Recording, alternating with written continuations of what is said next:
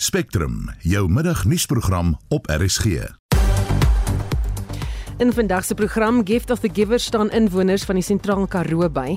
Die Turkse ambassadeur vertel hoe die massiewe aardbewing 'n jaar gelede steeds die land benadeel en 'n oproep dat mense betyds vir kanker toets.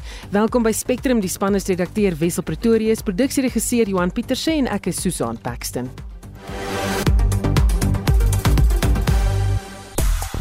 Die Proteas se sterk in die lug na dag 2 van die tweede krieketoets teen Nieu-Seeland. Die Bafana Bafana Breyer Hugo Broos bedank sy span en personeel vir 'n suksesvolle AFCON toernooi. En Suid-Afrika se hoop is op Matthew Seitz vir 'n eerste medalje by die wêreldswemkampioenskap in Doha. Ek is Shaun Schuster vir RSG Sport. Nou vandag is Valentynsdag. Baie geluk met Valentynsdag. Hoop jy het enetjie ietsie gekry. Ons wil by jou weet, hoe vier jy vier jy dit? Voel jou geliefde dat hy of sy dalk 'n duur geskenk verdien? En kom jy agter dat produkte soos blomme heelwat duurder is as gewoonlik? En wat die vraag laat ontstaan of die dag net 'n geldmaakfoefie is of nie? Of jy eerder iets kreatiefs wat min of geen geld kos nie of uh, meer persoonlik is? Laat weet gerus hoe voel jy oor die dag? Stuur 'n SMS na 45889 teen R1.50 per boodskap of laat hoor van jou stuur 'n WhatsApp stemnota na 0 0765366961. Dis 0765366961. Nou uh 6 Februarie verlede jaar is gedeeltes van Turkye in pyn gelê na wat beskryf word as die sterkste aardbewings wat nog ooit daar gemeet is. Die eerste aardbewing vroegoggend het 7,8 gemeet en later die dag nog een wat 7,5 gemeet het, dieselfde gebied getref. Nou binne 24 uur is daar meer as 570 naskokke gemeet en teen Mei verlede jaar reeds meer as 30000 naskokke. Meer as 107 mense of 107000 mense is beseer in in die Hatay provinsie wat die swaarste getref is, is 23000 mense dood. En dan is daar so wat 50000 mense wat steeds in vraghouers gehuisves word 'n jaar na die tragedie. En ons praat nou met die Turkse ambassadeur in Suid-Afrika, Asigu Kandash, sy is in die ateljee. I hope I pronounced that correctly. Yes, of course. Thank right, you. I've been preparing and you know practicing. Ah, a year later, uh, you know what is it like on the ground? What's going on? I think it's still sad on the ground because it's a human tragedy. It's a collective tragedy. And, um, you know, houses, buildings can be demolished overnight, buildings can be rebuilt. Uh, after a year, like our president had promised, now the houses, the rebuilt, reconstructed houses and flats are being handed out every day in big numbers. Uh, by the end of two months, a total of 70,000 flats or houses will be given out to the earthquake victims in the region. Yes, but how do you deal with the trauma? There are thousands of social workers still on the ground uh, because people have uh, lost their relatives and families. So that will take a while. Mm. Uh, the houses, people will be taken out of shelters. Uh, not shelters, they are in container cities now, but um, 200,000 houses will be given out by the end of this year, which means a huge number of them will be housed. This is free of charge. And while they are in container cities, they get support, rent support from the government. But uh, still, there's a lot that has to be done. But Turkish people are resilient and they have an Ubuntu spirit, mm-hmm. just like in South Africa. So, through that Ubuntu spirit, we have also connected to the South African people. Hmm. Now, as you mentioned that they are still in container cities. Why, uh, you know, is it taking so long to rebuild? Is it difficult? Is the area sort of damaged after the earthquakes?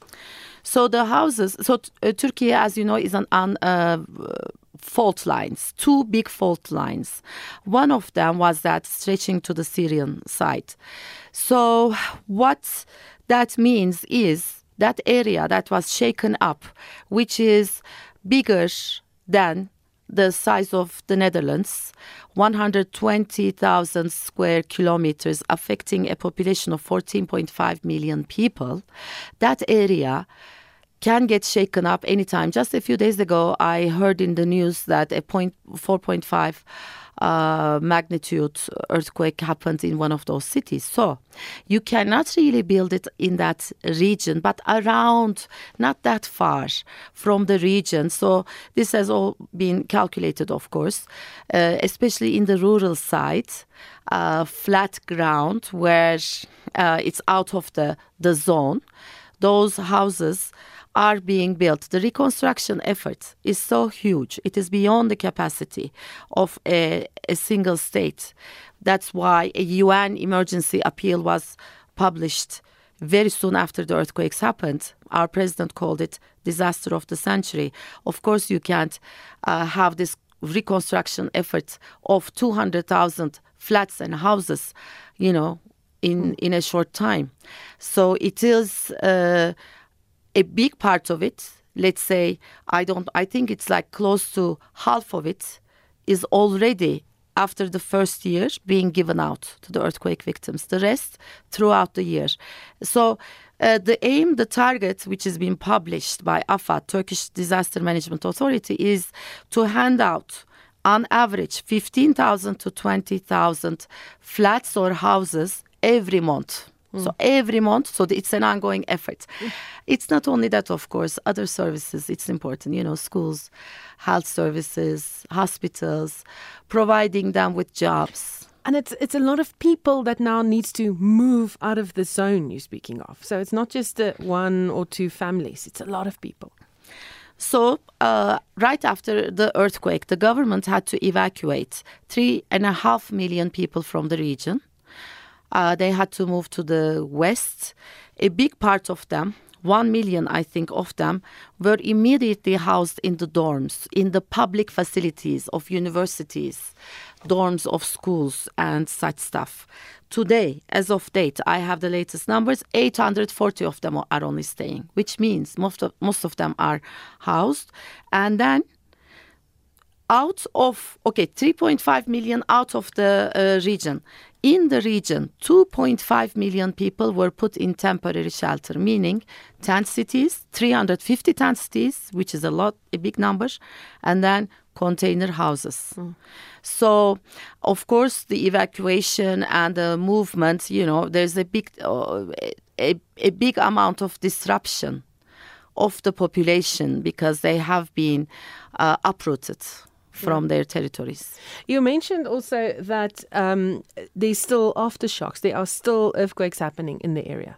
Yes. So yes, unfortunately, and you can never predict it. I mean, there will be always mm, on, on the mm. fault line. Yeah, yeah, fault yeah. line.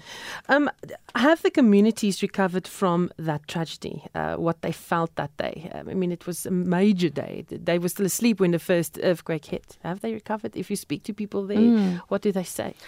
Yes, um, it's a, it's a trauma. I think recovery takes time, especially if if you if you have lost everyone in your family uh, on the morning. Four four seventeen, four o'clock in the morning is what happened. I mean, the first earthquake uh, that hit. So they were all caught off guard which means in their sleep and in the morning they realize the whole the rest of the family is gone. And it is minus 6 winter minus 6 degrees winter time. Mm. so those that could not be rescued froze to death you know those uh, that were injured. So it's a huge tragedy and it affected uh, the whole turkish population. It's a wound a common wound. But then it's the silver lining is that it showed us the solidarity, the common humanity in the world because 90 countries came to our rescue in the first week 90 that's that's huge. Mm. over 100 countries sent in-kind assistance immediately including South Africa. The generous people of South Africa sent in kind uh, donations, in kind assistance of a total of 180 tons, all the way from South Africa with Turkish Airlines, free of charge, cargo flights. Uh, I know because my my embassy coordinated it, and the embassy earthquake relief account. Um, I think up to now, a total of 4.5 million rand has been collected, mm. and that's a huge number and the government 10 tons of PPE equipment from the health department, uh, the government pledge. The South African government wants to put uh, send more in-kind assistance now. Mm-hmm. So we will uh, be forever grateful to South Africa. So, so you can't, uh, you know, predict an earthquake. But is there any plans from the government as to, you know, if something like this happens again, what now? I think we need to, at the end, at the end of the day, I think we need to be like Japan. Japan is also under earthquake zone. There's a huge earthquake. The next day, you see, uh, most of the buildings are intact. So the earthquake regulations have been in place since the big earthquake in 1999 near Istanbul. Mm. But the problem is we saw in the earthquake zone one building intact, the building next to it completely demolished. So the difference is in implementation.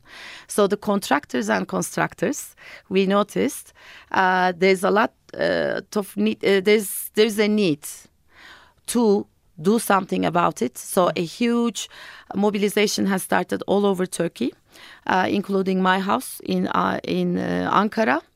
I had an apartment on the tenth floor of a new building. Uh, they realize now, municipalities now go after it. They realize it's not built according to the earthquake regulations. It needs to be demolished and built again.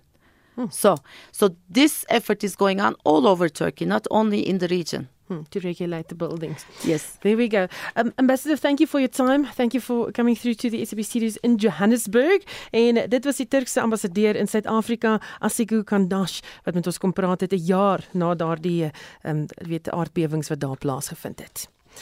En dan is die ANC hoofsweep Pemi Majodina, president Ramaphosa se staatsrede as gebalanseerd en 'n eerlike weerspieëling van die stand van sake in die land beskryf. Majodina het die debat oor die staatsrede by die stadsaal in Kaapstad geopen. Die meeste oppositiepartye het egter die staatsrede gekritiseer. Majodina sê Ramaphosa was eerlik in sy opsomming van hoe dinge op die oomblik in die land gaan. We as the ANC and the nation, we are inspired by the president's address last Thursday. The president has detailed the undertaking from 2023 SONA. The progress is inspiring. I repeat, the progress is inspiring alongside with many challenges that we have outlined.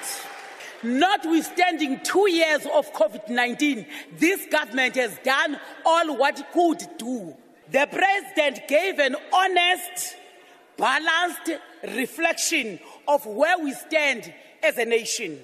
The choice we face as the nation in this year's election is to reaffirm what we said we're going to do in 1994 implementation of a national program of transformation that will result to qualitatively changing the lives of the majority of our people who are black in general and women in particular because they are in the majority Maar John Steenhuisen, die DA-leier, het Ramaphosa se staatsrede gekritiseer en gesê die mense van Suid-Afrika het die mag om wat hy genoem het 'n droom wat hulle verloor het, terug te kry.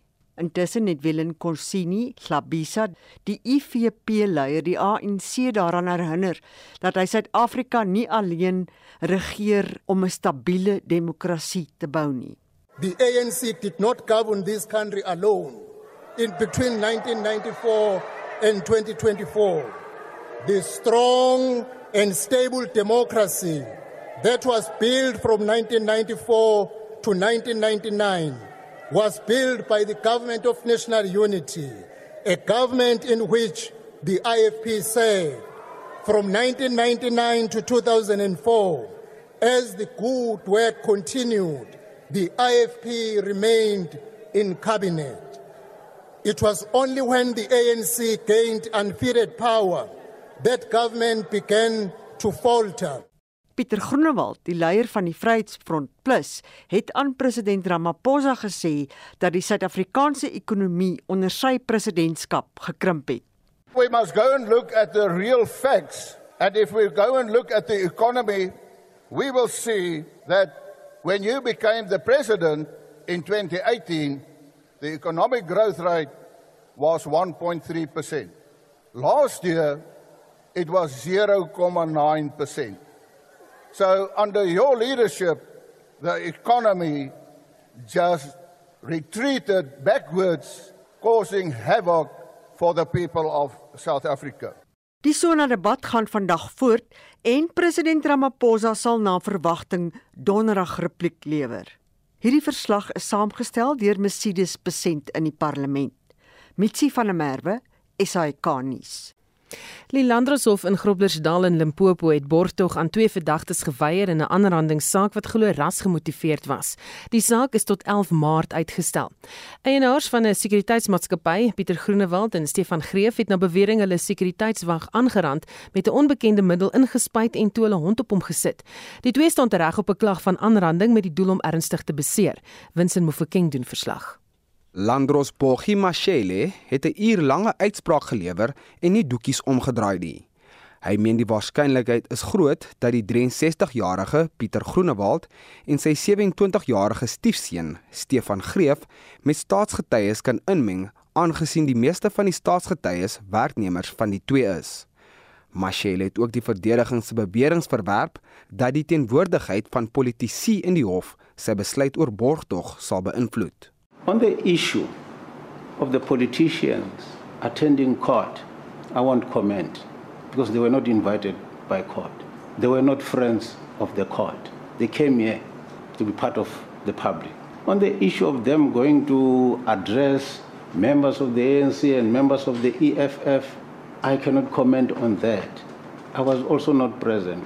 And I want to assure you, if one can come here thinking because he or she is a politician and you interfere with court, then the court can deal with such a person decisively without any fear or favor. Mashele sê ook dat die tydlyn tussen Groenewald se beëindiging van sy parooltermyn in 2022 en die pleging van die beweerde misdaad in verband waarmee hy nou tereg staan, dit waarskynlik maak dat hy binnekort nog 'n misdaad kan pleeg.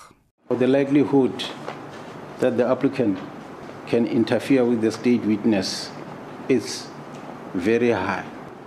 It will not be in the interest of justice that the two applicants be released on bail. Therefore, the application that they be released on bail. Die ondersoekbeampte het in die hof teen die toestaan van borgtog getuig.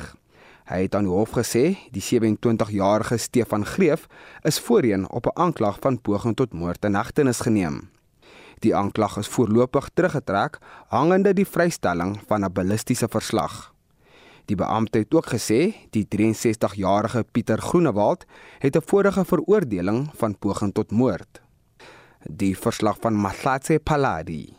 Akas Vincent Mufokeng vir SAI Garnis. Die burgerregte organisasie AfriForum se veiligheidshoof in die noordelike streek, Llewellyn Hemen sê intussen, die organisasie verwerp die optrede van enige organisasie of individu wat chaos in die gemeenskap van Groblersdal saai. Hy vra egter dat wet en orde konsekwent toegepas word. Dit kom al eintlik van laas jaar 19 Januarie af wanneer ons ons eerste memorandum oorhandig het aan die streekshof in Groblersdal. Ons het so twee weke terug het ons nog 'n memorandum oorhandig in die streekshof waar ons vra dat die hof net eenvoudig met konsekwent toetree in die sake wat hulle besluit ernstig is of laks is. Ons wil hê dat alle lede van die gemeenskap oor die selle kam geskeer word. Dan terselfdertyd het ons gesien dat sekere lede van of organisasies word daarop streng toegetree. Byvoorbeeld nou wat ons gesien het van die ouens van Biteinders word onmiddellik gearresteer, maar in dieselfde dag en dieselfde oomblik sien ons dat lede van die ANC Jeugliga en EFF letterlik winkels plunder, mense aanrand, deure oopbreek en in die teenwoordigheid van die polisie en openbare geweld toepas en aan dit en hulle kom skotvry los. Dit is ons onaanvaarbaar. As ons besluit ons gaan ernstig optree, dan moet ons teen almal ernstig optree en nie net aan selektiewe lede nie. Glo julle nie dalk dat wat deel is van die spanning is dat daar mense is wat probeer het om hulle self binne die hof in te dwing terwyl die hof sy besluite moet neem nie? Is dit dalk nie deel van die spanning nie. Wat wel bygevoeg het tot die spanning in Groblersdal op hierdie stadium is dat daar organisasies van buitekant af inbeweeg het en hierdie geleentheid gebruik het vir goedkoop politiek. Ons het gesien hoe duisende, letterlik duisende lede van omliggende gemeenskappe in busse ingery word, in taksies ingery word en aangehits word na openbare geweld toe plaas van dat die mense in die gemeenskap wel opstaan. So in Groblersdal self kan ek waarborg is daar geen rassespanning nie. Al die arbeid wat op die landerye werk, in die winkels werk, besighede werk, al die boere, al die hele gemeenskap is rustig. Almal wat van buite af ingekom het, het hierdie geleentheid gebruik en dit misbruik om in die media te kom en vir goedkoop politiek. En Luelen, kom ons praat oor die groepie wat buite die hof betoog het wat reg in eie hande wou neem het deur die hof binne te dring het nie. Wat sê Afriforum oor daardie groepie? Ja, Afriforum was nooit betrokke tydens daai optog gewees nie. Wat ek wel gesien het is die uurkeer wat gewaai die ou Transvaal vlag. Die lede wat wel die hof probeer binne druk het, was van swaard gewees dat hulle was ongelukkig oor die manier waarop die wetstoepassers sekere sake hanteer en sekere sake nie hanteer nie. Wat ek wel ook kan sê is dat die dag voor die tyd het die EFF ook die hof probeer binnendring en daar het konsens niks met hulle gebeur nie. Dit is onaanvaarbaar dat ons net selektief besluit wie ons gaan vervolg en wie ons nie gaan vervolg nie. Uh, en dit natuurlik uh, woordvoerder daarvan Afriforum hy's Llewellyn Hemmens hy's Afriforum se veiligheidshoof in die noordelike streek en hy het met Vincent Mofokeng gepraat. Verskeie dorpe in die sentraal Karoo is reeds vir 12 dae lank sonder krag. Sewe kragtorings het verlede Saterdag tydens stormsterk wind ineengestort. Die wydverspreide kragonderbrekings sê dorpe soos Roggeveld, Lensburg, Liugamka, die Swartberg, Matjiesfontein, Ladysmith en omliggende gebiede getref. Die Karoo Hoogland munisipaliteit het die gebied as 'n rampgebied verklaar. En daar is groot nood, 'n behoefte wat deur die militêre organisasie Gift of the Givers raak gesien is. Ons praat nou met die woordvoerder en projekkoördineerder van Gift of the Givers, Ali Sablay. Uh, goeiemiddag Ali. Goeiemiddag. Julle lê vandag besoek af in Lady Smith. Wat se voorraad gaan julle oorhandig? The main crisis at the moment with the when the electricity went out was bottled water. We were very worried about the health institutions, your hospitals and the clinics, your institutions such as schools and old age homes. Just to give us teams immediately rolled out thousands of bottles of water to keep the hospitals, clinics and schools going. The main concern thereafter was As you know, many of these people in these staying in these areas so depends on a social grant. So these people did their budget of their monthly food shopping already, and unfortunately, when the electricity went off, after two days, these people had to dump their food. So there was a huge humanitarian, uh, humanitarian crisis brewing in terms of hunger. The givers, as we're speaking now, are delivering with the Department of Social Development food parcels to all these areas We've identified areas um, that we uh, people are surviving on this on this monthly grants. So as I'm speaking to you, water distribution and food parcels are being distributed in all these municipalities affected. Ek wou nou vir jou vra, gaan julle ook voorraad skenk aan ander gebiede? Yes, we are. We've identified the most crisis uh, areas first, those with crisis in all areas, but in those in terms of population. So we started in Klaastorm, Prins Albert, uh, Laingsburg. As you said now, we are busy in Laingsburg. Then we will be moving over to Leo Hamka, Mikey Swantain, uh, Merville, Fraserburg and Sutherland. En dan uh, staan julle ook mense op ander maniere by? Uh we we, we, we there was a request from farmers for some fuel for generators. Uh, this morning in the meeting, the Western Cape um, Government Agricultural Department is making subsidies available to farmers to assist um, in terms of fuel to keep the generators going. So their water pumps and their animal, they can continue the animal feed and those who are in the agricultural sector can use to, to wet their crops because that will be another blow to the economy if any of their crops get wasted. So Kistergivers teams has been in contact with the farmers, but uh, the Western Cape uh, Agricultural Department has taken care of those. Um, and then the other concern was, you know, people charging electronics uh, MTN has come on board with self with um, uh, um, charging stations where people could charge their, their cell phones. They have as well provided food hampers. Uh, Red Rocket has come on board in terms of fuel to transport logistically for food hampers to come into the area. Hmm. Klop mense wat met ander woorde handjie bysit. Julle doen baie vir die gemeenskap, maar julle is ook afhanklik van skenkings. Hoe bepaal julle waar julle moet hand bysit? You know, the, we would like to thank South Africans. You know, um, when, when, whenever there's a crisis in South Africa, we find many South Africans coming through. Corporate South Africa has come through, and ordinary South Africans, you know, they see our trucks doing the working area. They will phone our offices and to say they would like to make a contribution. Um, as you know, we always try to keep stocks in the reserve, so when any crisis happens, uh, we can be we can assist. The, the, the most important thing in any disaster is getting to, to the community as soon as possible. And um, this is only made possible through generous donations to South, Af- uh, South Africans to make it possible for us to, to deliver these goods to the people. Baie dankie en dit was uh, Ali Sablay, 'n woordvoerder en projekkoördineerder van Gift of the Givers. Soos jy kan hoor, is alle hulp wat nou kan gegee word is broodnodig daar so hulle mense daaraan gedagte. Ons bly by die storie en vir meer inligting oor presies hoe groot die nood onder inwoners is, praat ons nou met 'n inwoner en adjunkskool van Lady Smith Keith Meyer. Goeiemiddag Keith. Dit lyk vir my uh, daarso die lyn het geval en dit is nou heel moontlik oor die krag wat daar 'n probleem is. Ons gaan kyk of ons hom gou-gou kan terugkry en uh, seker maak dat ons gou-gou hoor hoe gaan dit daar is uit daar. Goed, kos uh, geen net gou kans dat uh, Wessel Pretoria om ons terug op die lyn kry en hoor ons gou wat daaraan gaan. Lyk vir my ons het hom weer. Daar's hy Keith, is jy daar? Ek is hier, Susan. Kan Goeiemiddag. nou sy telefoonlyne lol maar as gevolg van die krag. Hoe groot is die nood in die dorp en omgewing en wat benodig inwoners die meeste? Ons betrek uh, by die dag erger en um, ons hoop volgens Eskom dat ons vandag of môre krag sal kry.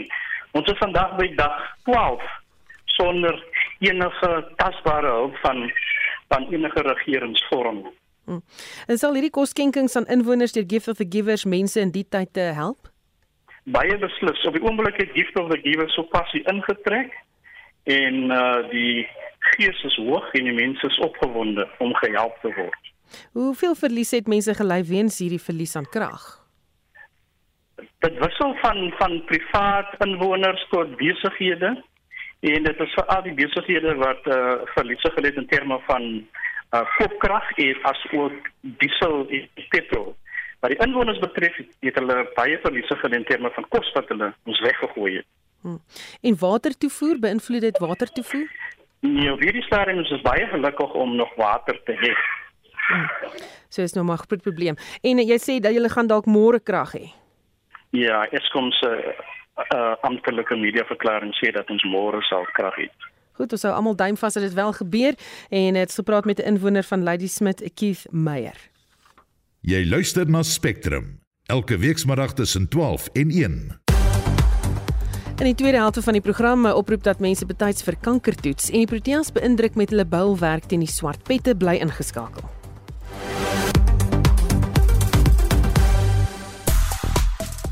So het vroeër vir jou gevra wat dink jy van Valentynsdag? Wat se tipe geskenke gee jy? Nou ek sien Loukie van Ermelo sê ek gee blomme vir my vrou uit ons tuin en dan sê Louisa van Aliwal dat liefde kos nie geld nie, so nee, ek koop nie iets vir my man vir Valentynsdag nie. Dit moet elke dag Valentynsdag wees in jou huwelik of verhouding. Hoekom ophef daarvan maak? Uh, môre en môre en volgende jaar is jy mos nog steeds lief vir die persoon. Dan sê nog 'n luisteraar dat my man was so oulik om 1 jaar vir my 'n vye boom te koop en te plant, so kon ek vir jare lank sy liefde proe. Dis Elsa wat so sê jy kan steeds saamgesels as jy wil. Wat dink jy van Valentynsdag? Koop jy diergeskenke? Dink jy mense verdien diergeskenke of dink jy aan iets meer eenvoudigs, meer iets persoonliks? Stuur vir ons 'n SMS 45889 en 'n SMS se kos R1.50.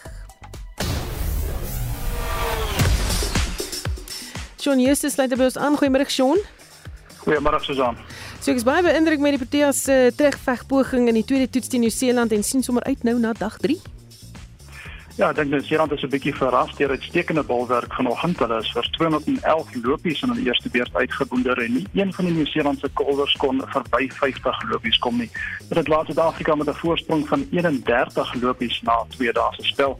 Ons kyk gou na die Proteas se balsyfers. Dane Piet trek 5 paaltjies plat vir 89 lopies. Dane Patterson eindig met 3 paaltjies vir 39 lopies en Jethro Moreke met 1 paaltjie net 32 lopies afstaan.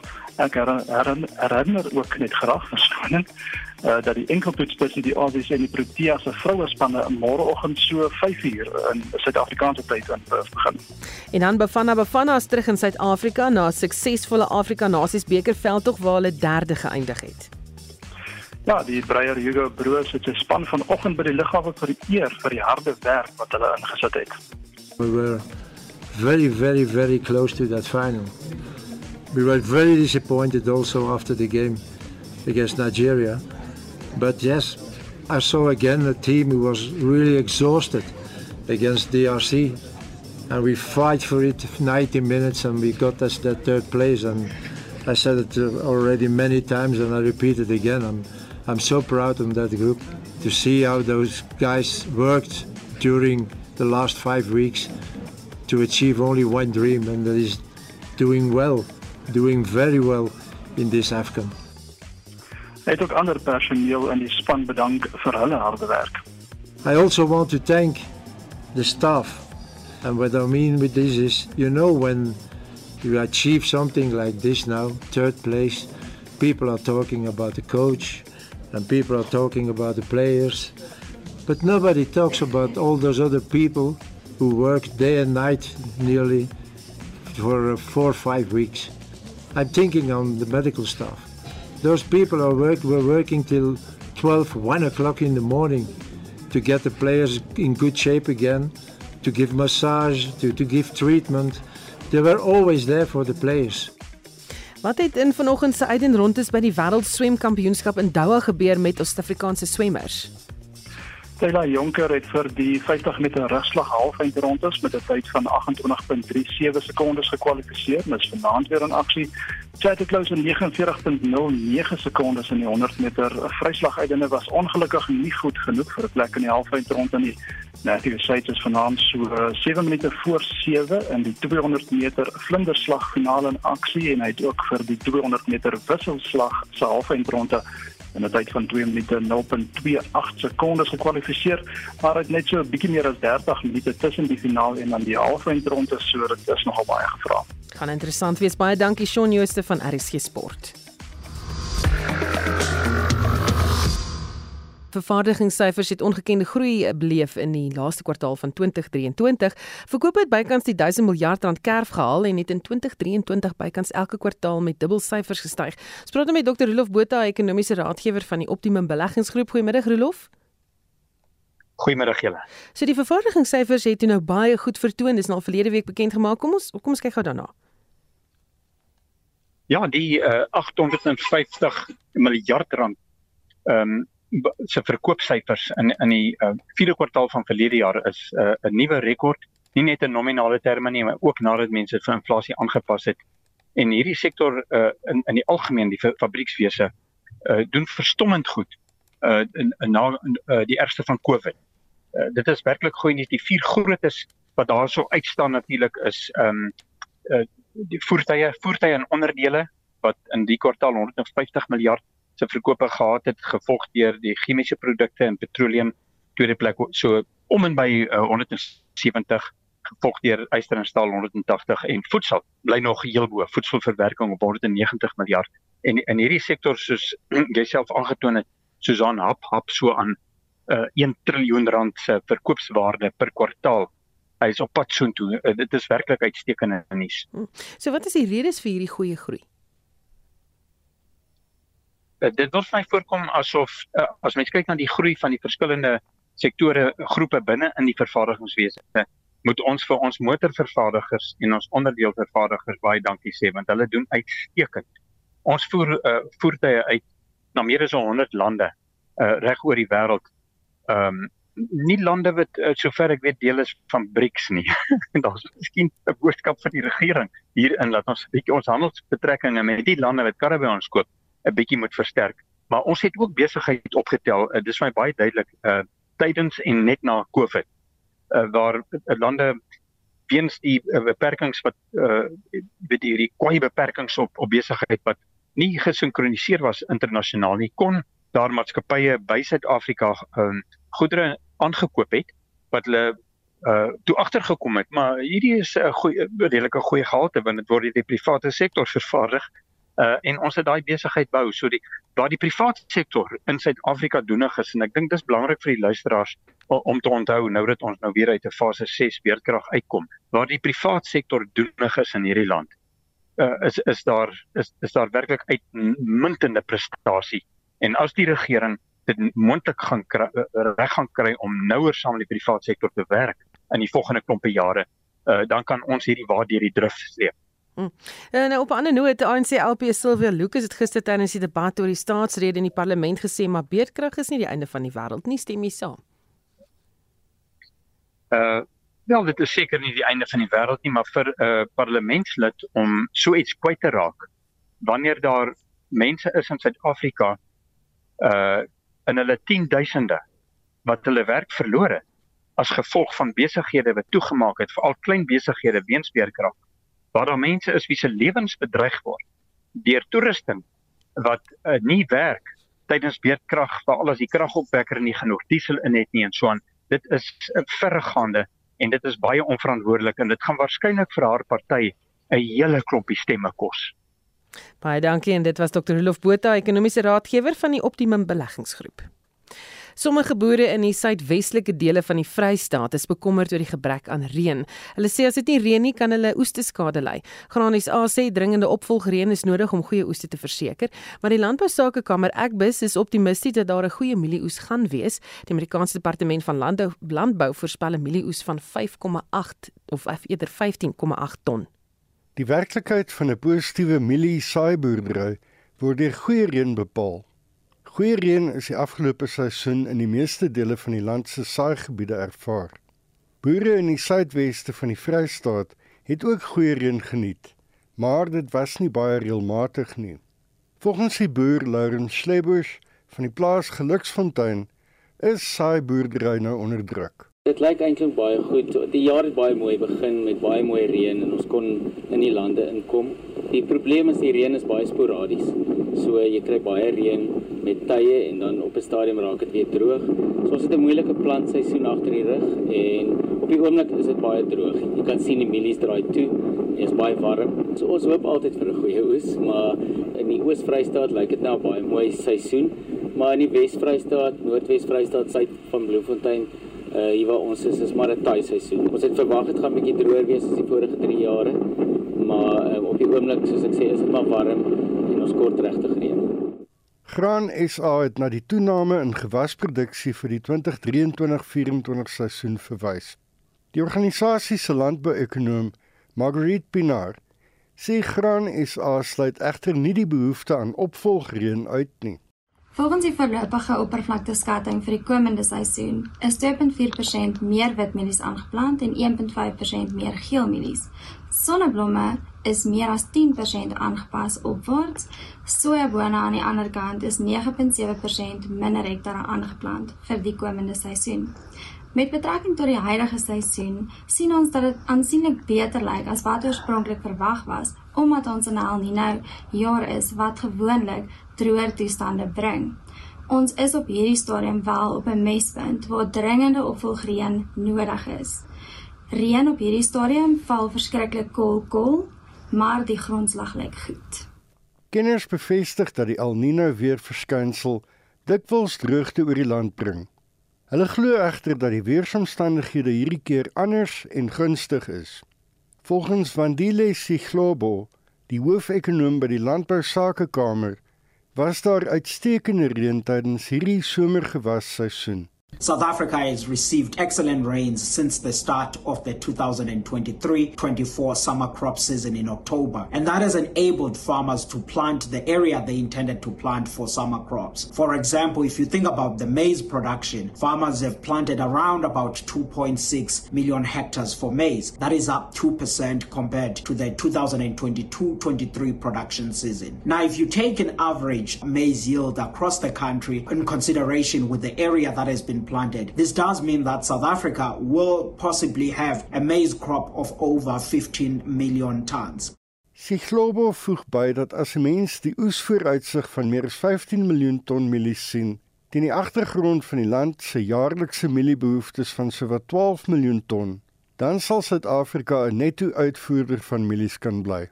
Hierdie bydra van Tula Letlala in Bloemfontein en ek is Hendrik Martin vir SAK nuus. Die Kankervereniging van Suid-Afrika, oftewel Kansa, het sommer uh, kommer uitgespreek oor mense wat nie betyds vir kanker laat toets nie. Die vereniging sê dit veroorsaak dat kanker te laat opgespoor word en mense dan weens kanker sterf. Die Wêreldgesondheidsorganisasie sê ten minste 10 miljoen mense het in 2020 weens kanker gesterf. Lewer, darm, long en maagkanker is die algemeenste kankers wêreldwyd en meer as 4 uit elke 10 mense wat weens die siekte sterf ly aan die kankers. In Suid-Afrika is ten minste 100 000 nuwe kankergevalle oor die afgelope 4 jaar aangemeld aangemeld en 65% van die kankergevalle het gesterf. Ons praat nou hieroor met die direkteur van die Kankeralliansie, Linda Greef. Goeiemôre Linda.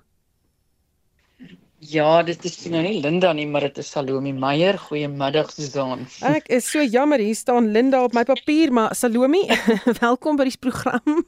Sê vir my, is daar kankers in Suid-Afrika wat aan die toeneem is omdat mense nie gereeld getoets word nie?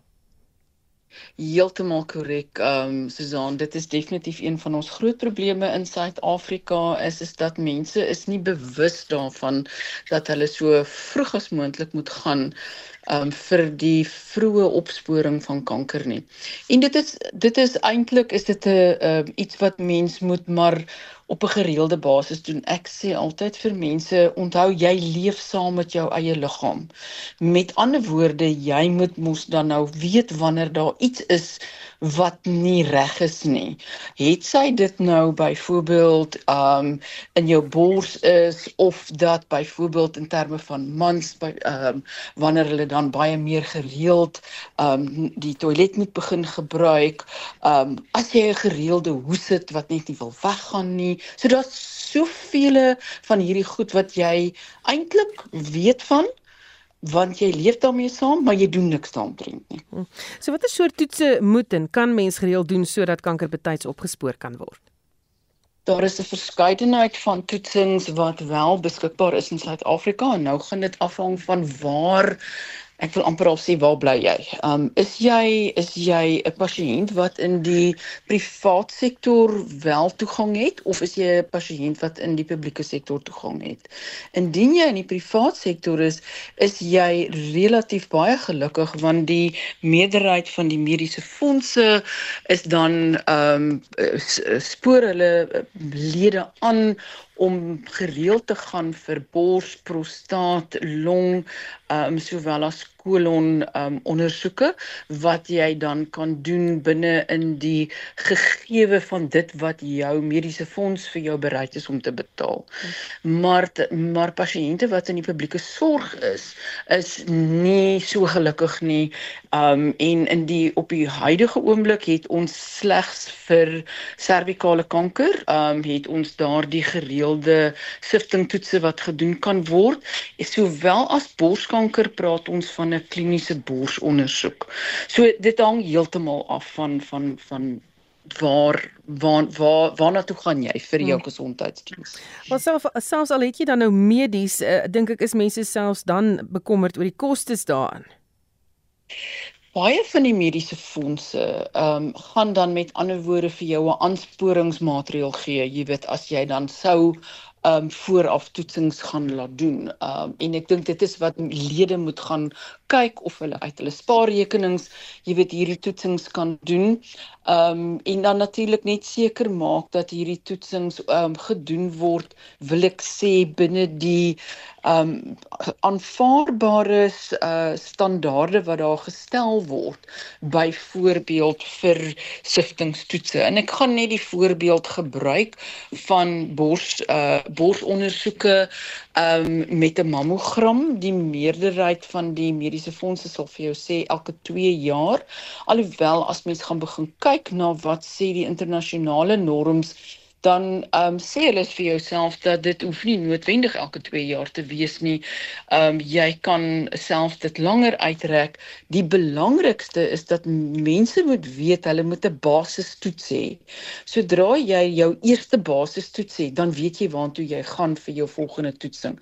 Byvoorbeeld dieselfde met kolon, jy hoef nie elke jaar te gaan vir 'n kolonoskopie nie. Ehm um, maar as jy jou eerste basistoets gehad het, gaan jou kliniese uh, persoon vir jou sê wanneer jy weer behoort terug te kom en of jy ooit weer moet terugkom. En dit is die goed wat mense moet weet. Baie dankie en dit was die direkteur van die Kankeralliansie, Salome Meyer. Die sakenuus word aangebied deur Robert Cameron, portefeuljebestuurder by Fisher Dugmore Sekuriteite. Goeiemiddag Robert. Goeiemôre Susan, goeiemôre luisteraars. Ja, ons plaaslike mark het sy vlakke eintlik redelik goed, waar die Amerikaanse markte oornag so 1,5% verloor het as gevolg van uh, basies maar hoër inflasie syfers wat uh, uitgekom het in daai land. Die indeks vir alle aandele swakker met so 0,2% op 160 punte. Daar vlak tans so 72900. Die top 40 indeks ook 0,2% swakker. Die Hulbron indeks hy verloor agter so 1,2%. Die Mavericks indeks marginaal swakker met 0,1% en die finansiële indeks hy sterker met so 0,6%. Ons kyk na enkele aandele Transaction Capital is so 3,2% sterker nadat hulle gister uh, besonderhede aangekondig het van hulle ontbondeling van uh, WeBuyCars wat hulle aan uh, aandeelhouers wil uh, ontbondel. Uh dan MultiChoice uh, hy sterker met 1,7% 105 rand Investec tel so 1,4% by 119 rand 20 aan die verloorkant sien ons uh, Implats swakker met so 3,7%. Daai aandeleprys het net aanval R61.80. Kumba Isteraard so 2,6% swakker R546 en uh, Anglo Gold so 2,2% swakker. Laasens uh, Naspers hy so 0,8% swak te 3300 R43. Wisselkoerse die rand so 19.16 teenoor die Amerikaanse dollar is 'n 0,8% swakker. Uh R20.51 vir 'n euro en 'n Britse pond kos jou tans R24.03. Kommoditeit het die goudprys 1991 dollar per fyn ons Die platinumprys staan tans op uh, 877 dollar en die Brent olieprys op hierdie stadium 83 dollar per vatjie. Oornag het die Dow Jones is genoem so 1,3% swakker gesluit. Die Hang Seng vroeër vanoggend in uh, Hong Kong egter heeltemal 'n ander prentjie. Hy is die 1,4% sterker. In Europa dinge ook eintlik heel goed. Die FTSE 100 in Londen so 0,9% swakker. Die DAX in Frankfurt so 0,5% op die CAC 40 in Parys so 0,4% sterker. Dan laasens sê Sint-Peter Meymark op hierdie stadium so 0,4% sterker. Dit dui dan uit op 'n beter opening uit Amerika later vanmiddag. Baie dankie dis aan van die saak nuus. Net was Robert Cameron portefeuljebestuurder by Fisher Dugmore Sekuriteite. Die firma MMH en Vennote in die gesondheidssektor het in aanloop tot volgende week se begrotingsrede 'n 6-punt plan voorgestel om kapasiteit en belegging in Suid-Afrika se farmaseutiese en gesondheidsorgvervaardigingssektor of eh, sektor eerder te vergroot. Die 6-punt plan spruit uit 'n beleidsposisiedokument wat vir die presidentskap en die nasionale departement van gesondheid voorberei is, dit na aanleiding van 'n versoek vir bedryfsinsigte van die kantoor van die direkteur-generaal van die departement van gesondheid in November 2023. Die stigter en bestuurshoof van MMH en Vernote, Michael Meinhardt, sê hulle beskou die uitbreiding van Suid-Afrika se gesondheidsorgvervaardigingsbedryf as 'n kritiese onderneming om kommer oor die risiko's wat Afrika se gesondheidssekuriteit en medisynevoorsiening raak te besweer. Dit is as gevolg van die vastelandse afhanklikheid van buitelandse invoer uit die globale noorde. There are two significant steps Treasury must focus on here. The sector requires 30% of all public procurement to be allocated to local manufacturers with the capacity to produce healthcare products locally.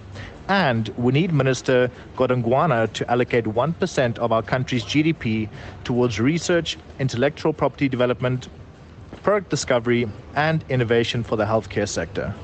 Only then will we be able to build an end to end manufacturing framework that works in South Africa. Currently, the industry lacks vertical integration. This is not strategic or economically sustainable over the long term and poses a severe risk to our country's medicine supply and security. Meinhard beskou die 6-punt plan as 'n beginpunt vir 'n geïntegreerde en robuuste farmaseutiese bedryf in Suid-Afrika en het die regering aangemoedig om die plan te aanvaar. Ek is Anmane Eckart vir SAK nuus. So is die ontwikkelende nuusstories dop en ons begin met nuus van getuienis wat voor die kommissie van ondersoek na die brand by die Isindiso gebou in Johannesburg gelewer is. En die waarnemende hoof van die Johannesburg se nooddienste, Rapolani Monageng, het getuig die inwoners van die gebou het geen voorkomende maatreëls ingestel indien 'n brand sou uitbreek nie. Altesaam 77 mense is in die brand dood en talle meer is beseer en ontwortel. Monageng sê die nooddienste het telke male voor die brand probeer om inwoners in die gebou te waarsku. Hy sê die toneel waarop nooddienswerkers afgekom het, was gruisam. It was a worse in Makeria in particular to the number of deaths we experienced, the kind of conditions the community of Sindiso were living under, the level in which the fire spread in my career, it was quite shocking. Dan die Suid-Afrikaanse plaaslike regeringsvereniging Salga sê moorde op politici, veral raadslede, is 'n bedreiging vir diegene wat korrupsie op plaaslike regeringsvlak wil oopvlek. Salga se voorsitter in KwaZulu-Natal, Tami Ntuli, sê meer as 19 raadslede is sedert 2022 in sluipmoordaanvalle vermoor. 'n Raadslid van die Nongoma plaaslike munisipaliteit, Ndukwesle Duma, is die jongste slagoffer. Ntuli sê sluipmoorde het 'n winsgewende onderneming geword. We should also be worried by reports that the killers used a caliber guns like AK-47, a type of gun which is not freely available in the market unless we get rid of guns in our society. No one will be safe. It is time that the SAPS resume random raids to rid our society of illegal guns. In internasionale nuus het Amerika se president Joe Biden uitlatings deur sy voorganger Donald Trump verwerp. Trump het gesê hy sal Rusland aanmoedig om enige NAVO-bondgenote aan te val wat nie genoeg aan verdedigingsmagte bestee nie. Biden het die uitlatings as skandalig bestempel kort nadat die Amerikaanse Senaat nog 'n militêre noodfonds aan Oekraïne goedgekeur het. Die BBC se Sarah Rainsford berig. Of course, everyone knows this is not a done deal. This is just one step on the way to clearing that aid package for Ukraine. But basically, people here think it's absolutely critical. I've heard pundits, experts, analysts telling me that it would be catastrophic for Ukraine if ultimately this aid package isn't passed. It's not just about money for the budget, it's not just about helping Ukraine keep taxes down and helping Ukraine keep inflation down. It is also critically money for military assistance. En dan Susan in die gees van Valentynsdag het blommeverkopers hoop uitgespreek dat blommeverkope die week en sekerlik veral vandag sal toeneem en ons het net vanoggend gepraat oor hoe duur blomme veral vandag is. 'n Blommiste sê blomme is duurder weens blommepryse wat na verliese van die COVID-19 pandemie toegeneem het. Suid-Afrika is tans die derde grootste uitvoerder van blomme op die Afrika vasteland met jaarlikse uitvoere van meer as 1,7 miljard rand. Hier is Def Pillay die bestuurder van Flower Zone. This time of the year, it's a hallmark day that we all look forward to. If you're in the flower business, you know you're going to be busy today. So we plan accordingly. Unfortunately, we can't control the prices because it goes on supply and demand. En dit was Def Pillay bestuurder by ons bloemiste en ons tegniese regisseur Susan Johan Pieterse het nou net 'n uh, uitlating hier in die in ons ore gemaak. Ja, hy sê hy uh, steel, ons praat nou oor wat se tipe blomme gee, maar hy sê hy steel die buurman se se blomme en dan gee dit vir sy vrou en sy het hom nog nooit uitgevang nie. Ek hoop weer ou luister. Veronique, in geval baie dankie. Dit was Essie met 'n oorsig oor die ontwikkelende nuus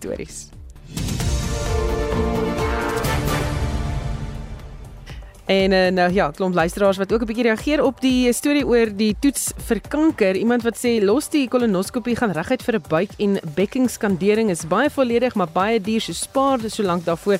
Vir ons is nie heeltemal lus om daarvoor te betaal nie. So nog 'n bietjie raad oor wat jy kan doen om seker te maak dat uh, jy gesond bly. daarmee groet die Spectrum span, namens uitvoerende regisseur Nicoline Lou, redakteur Wessel Pretoria, ons produksieregisseur wat blomme steel, Johan Pieterse. Ek is Susan Paxton. Geniet jou middag.